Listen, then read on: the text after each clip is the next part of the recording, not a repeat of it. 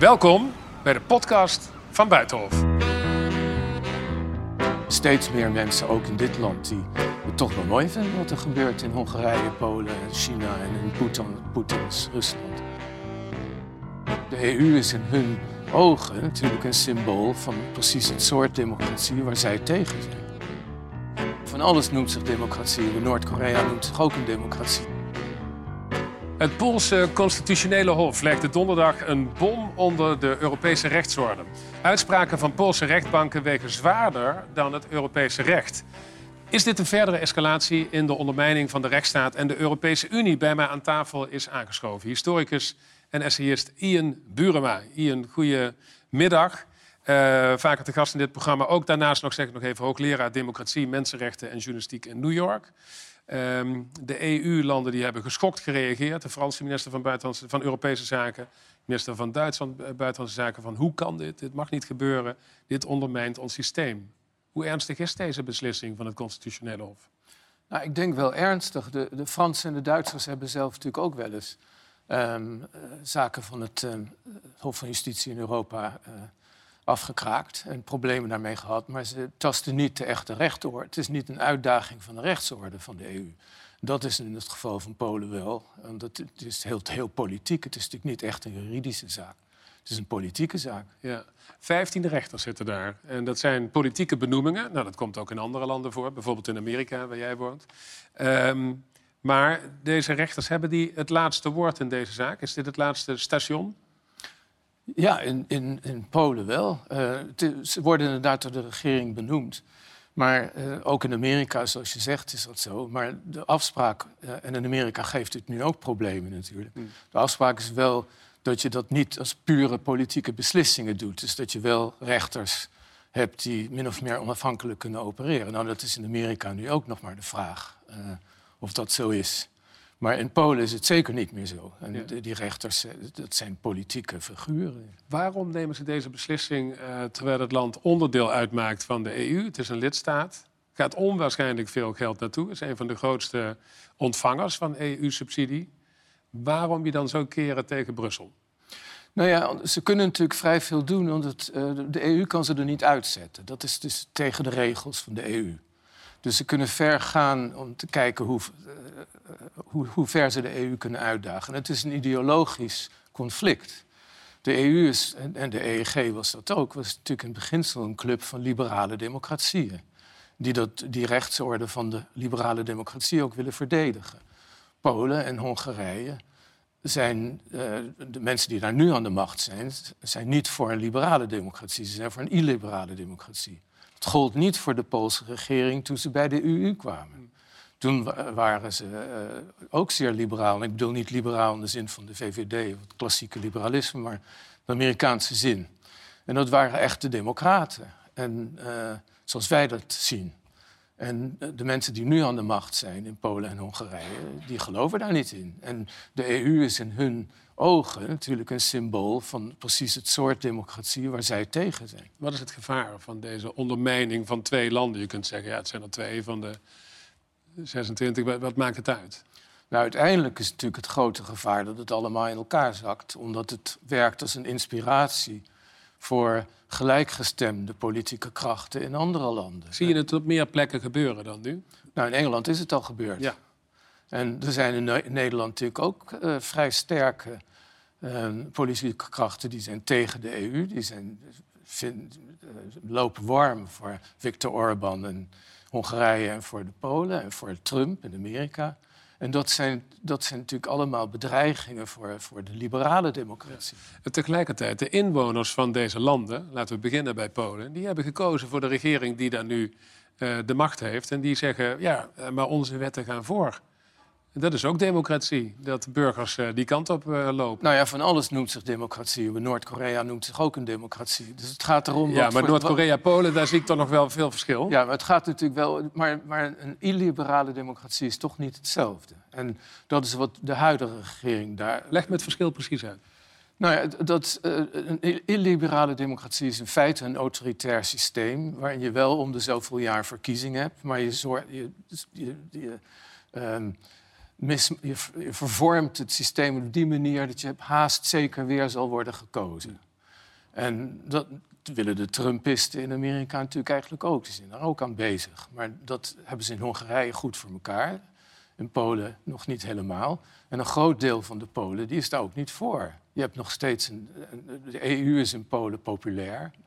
En ja, die regering is gekozen, maar er is ook toch een, toch een vrij grote oppositie. Dus het is nog niet een autoritaire staat. Maar dat is, het is een, waar ze op afsteven is een vorm van, van een autoritaire staat die oppervlakkig lijkt op een democratie, omdat die autoritaire regeringen elke keer wel worden gekozen. Dus het is plastische chirurgie, window dressing, zeg je eigenlijk. Ja. Want ze hebben al de rechterlijke macht dus in de knip. Eh, de onafhankelijke pers die wordt op een schandalige manier gemelkorfd. En het systeem wordt zo georganiseerd dat de huidige partij, de PES, dat die aan de macht kan blijven voor langere tijd. Ja, en, dat doe, en een van de manieren waarop ze dat doen, uh, vooral als het een beetje de richting gaat van het popularisme, is om te zeggen dat deze autoritaire regering is vertegenwoordigt de stem van het volk. Hm. En dat is niet hetzelfde als een parlementaire democratie, of een democratie gebaseerd op vertegenwoordiging van verschillende groepen en interessen en zo, een klasse in een volk. Dus het idee van wij zijn de stem van het volk, wij vertegenwoordigen het volk, et cetera. Je had het al over dat een meerderheid van het volk weer anders denkt dan de regering, wat opmerkelijk is. Uh, zie jij Polen het Verenigd Koninkrijk achterna gaan? Krijgen we na een brexit een, een polexit? Ik denk onwaarschijnlijk, omdat ze natuurlijk enorm uh, veel geld krijgen van de EU. Uh, daar sterk van afhankelijk zijn en uh, daar niet vanaf zouden willen. En, en een groot, de, de, meerderheid van het Poolse volk wil het ook niet. Die willen graag gratis zonder visa kunnen reizen. Hmm. En die uh, ze profiteren van de EU. En, dus ik, denk, ik zie dat niet zo snel gebeuren. Ja. Jij zegt dat dit op meer plekken gebeurt. We zagen net om 12 uur het journaal. En daarin hoorden we de president van Taiwan in een pittige toespraak zeggen...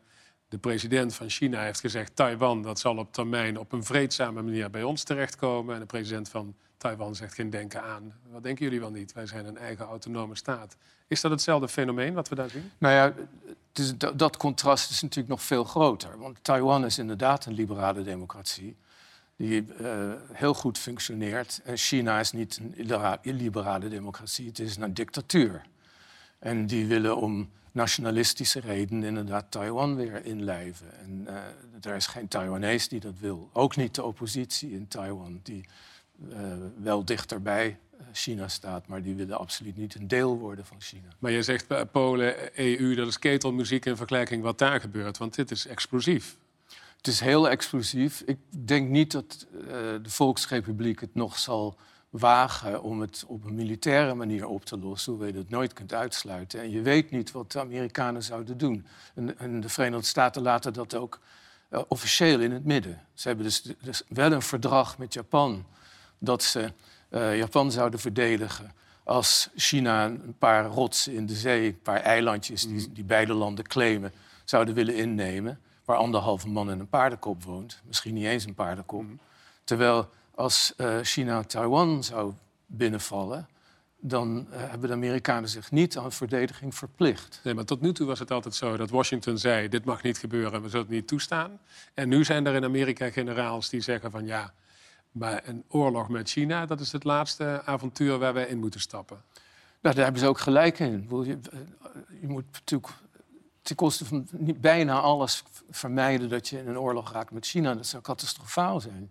Dat is ook zo. Hm. Daarom verplichten ze zich ook niet aan de verdediging van Taiwan, maar ze laten het in het midden. Ja. En dat, dat, dat is een goede strategie, denk ik. Overal, waar we het eigenlijk over hebben, is als je kijkt naar hoe het democratische proces dan uitgehold wordt uh, op bepaalde plekken in de wereld. En hier in Europa, vlak bij ons, maar ook daar, China.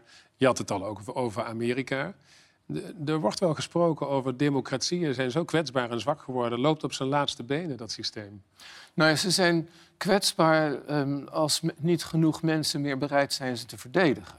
En dat is natuurlijk in Duitsland gebeurd in, in, de, in de jaren. Toen van links en, en rechts en conservatief uh, Duitsland... toen niet genoeg mensen meer waren die de Weimar-republiek uh, wilden verdedigen. Dus als we niet meer geloven in ons eigen systeem dan valt het in elkaar. Hoe kan dat, dat het geloof in het eigen systeem bestanende is? Nou ja, ik denk allerlei redenen. Ik denk dat, uh, we zijn natuurlijk zo geschrokken van de Tweede Wereldoorlog... dat dat weer een enorme impuls heeft gegeven aan de liberale democratie in West-Europa.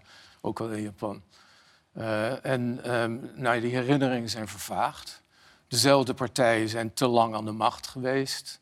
Um, na uh, de val van de Sovjet-Unie uh, is, er weer is er minder um, animo geweest om gelijkheid en dat soort dingen toch een beetje te beschermen. Dus er is steeds, meer, steeds minder vertrouwen gekomen. Het wordt, je krijgt dat idee van ja, het is maar een rotzooi in, in de democratie. En die Chinezen, ja, is, misschien zijn ze wel niet vrij, maar die kunnen tenminste beslissingen nemen. En dan, dan komt er ook een nieuwe weg en een nieuw vliegveld, et cetera.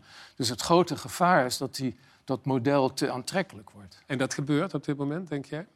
Er zijn steeds meer mensen, ook in dit land, die het toch wel mooi vinden wat er gebeurt in Hongarije, Polen, China en in Poetin, Poetins Rusland. Ja. Vaak dezelfde mensen, overigens, die uh, 18 jaar geleden, toen uh, in Amsterdam Theo van Gogh werd uh, vermoord, dachten dat de grote bedreiging voor de westerse democratie kwam van islam. Dat zijn vaak dezelfde mensen die nu het model in Hongarije en Rusland en zelfs China uh, wel omarmen. Wat zegt dat volgens jou? Nou ja, dat, die, die, dat de um, grens tussen, de, tussen het liberalisme, de liberale democratie en meer autoritaire denken loopt nu dwars door het Westen heen. Het is niet meer de voormalige Sovjetstaten of, mm -hmm. of Oost-Europa dat tegenover West-Europa staat de, die ideologie, dat ideologische conflict loopt nu dwars door het Westen zelf. Ja. Met name in de Verenigde Staten. Nee, daar wilde ik naartoe. Want als we de Tour de Monde dan afmaken... jij woont voor het grootste deel van je tijd in New York. En um, dan gaan we via Polen, Duitsland heb je het over gehad... Taiwan, China, naar Washington, New York, Amerika. Um, de laatste weken wordt steeds duidelijker... dat uh, oud-president Donald Trump uh, van plan is om zich weer verkiesbaar te stellen en uh, in 2024 de positie weer terug te veroveren. Denk je A, dat, dat, dat hij dat gaat doen, dat hij kansrijk is... en wat zou dan de consequentie zijn? Ik denk dat hij het zeker zal proberen. Uh, of hij kansrijk is of niet, dat weten we nog niet. Want dat hangt er vanaf hoe succesvol Biden is in de volgende paar jaar. Hij is nu net zo populair als Joe Biden, hè? Of zo niet populair, ja, wat je wil. Maar dat zegt nog niet zoveel. Okay. Er zijn nog drie jaar. Als hij terug zou komen, ik denk dat dat eh, reden is om ons grote zorgen te maken. Ik heb wel eens eerder in dit programma met jou uh, uh, Trump een crimineel genoemd. En toen heb jij mij een klein beetje op de vingers getikt. Ja, want omdat hij ik vandaag, was, zei ik. Ik, ik, ik houd dat nog steeds vol. Uh, vandaag zou ik zeggen, hij is ook geen democraat. Tenminste, geen liberaal-democraat. Hij is iemand die echt staat voor een... Althans, zijn ideaal is toch om een autoritaire leider te zijn. En als die voor de tweede keer wordt gekozen, dan moet je je hart vasthouden. Nou, vrolijke noot aan het einde van het programma.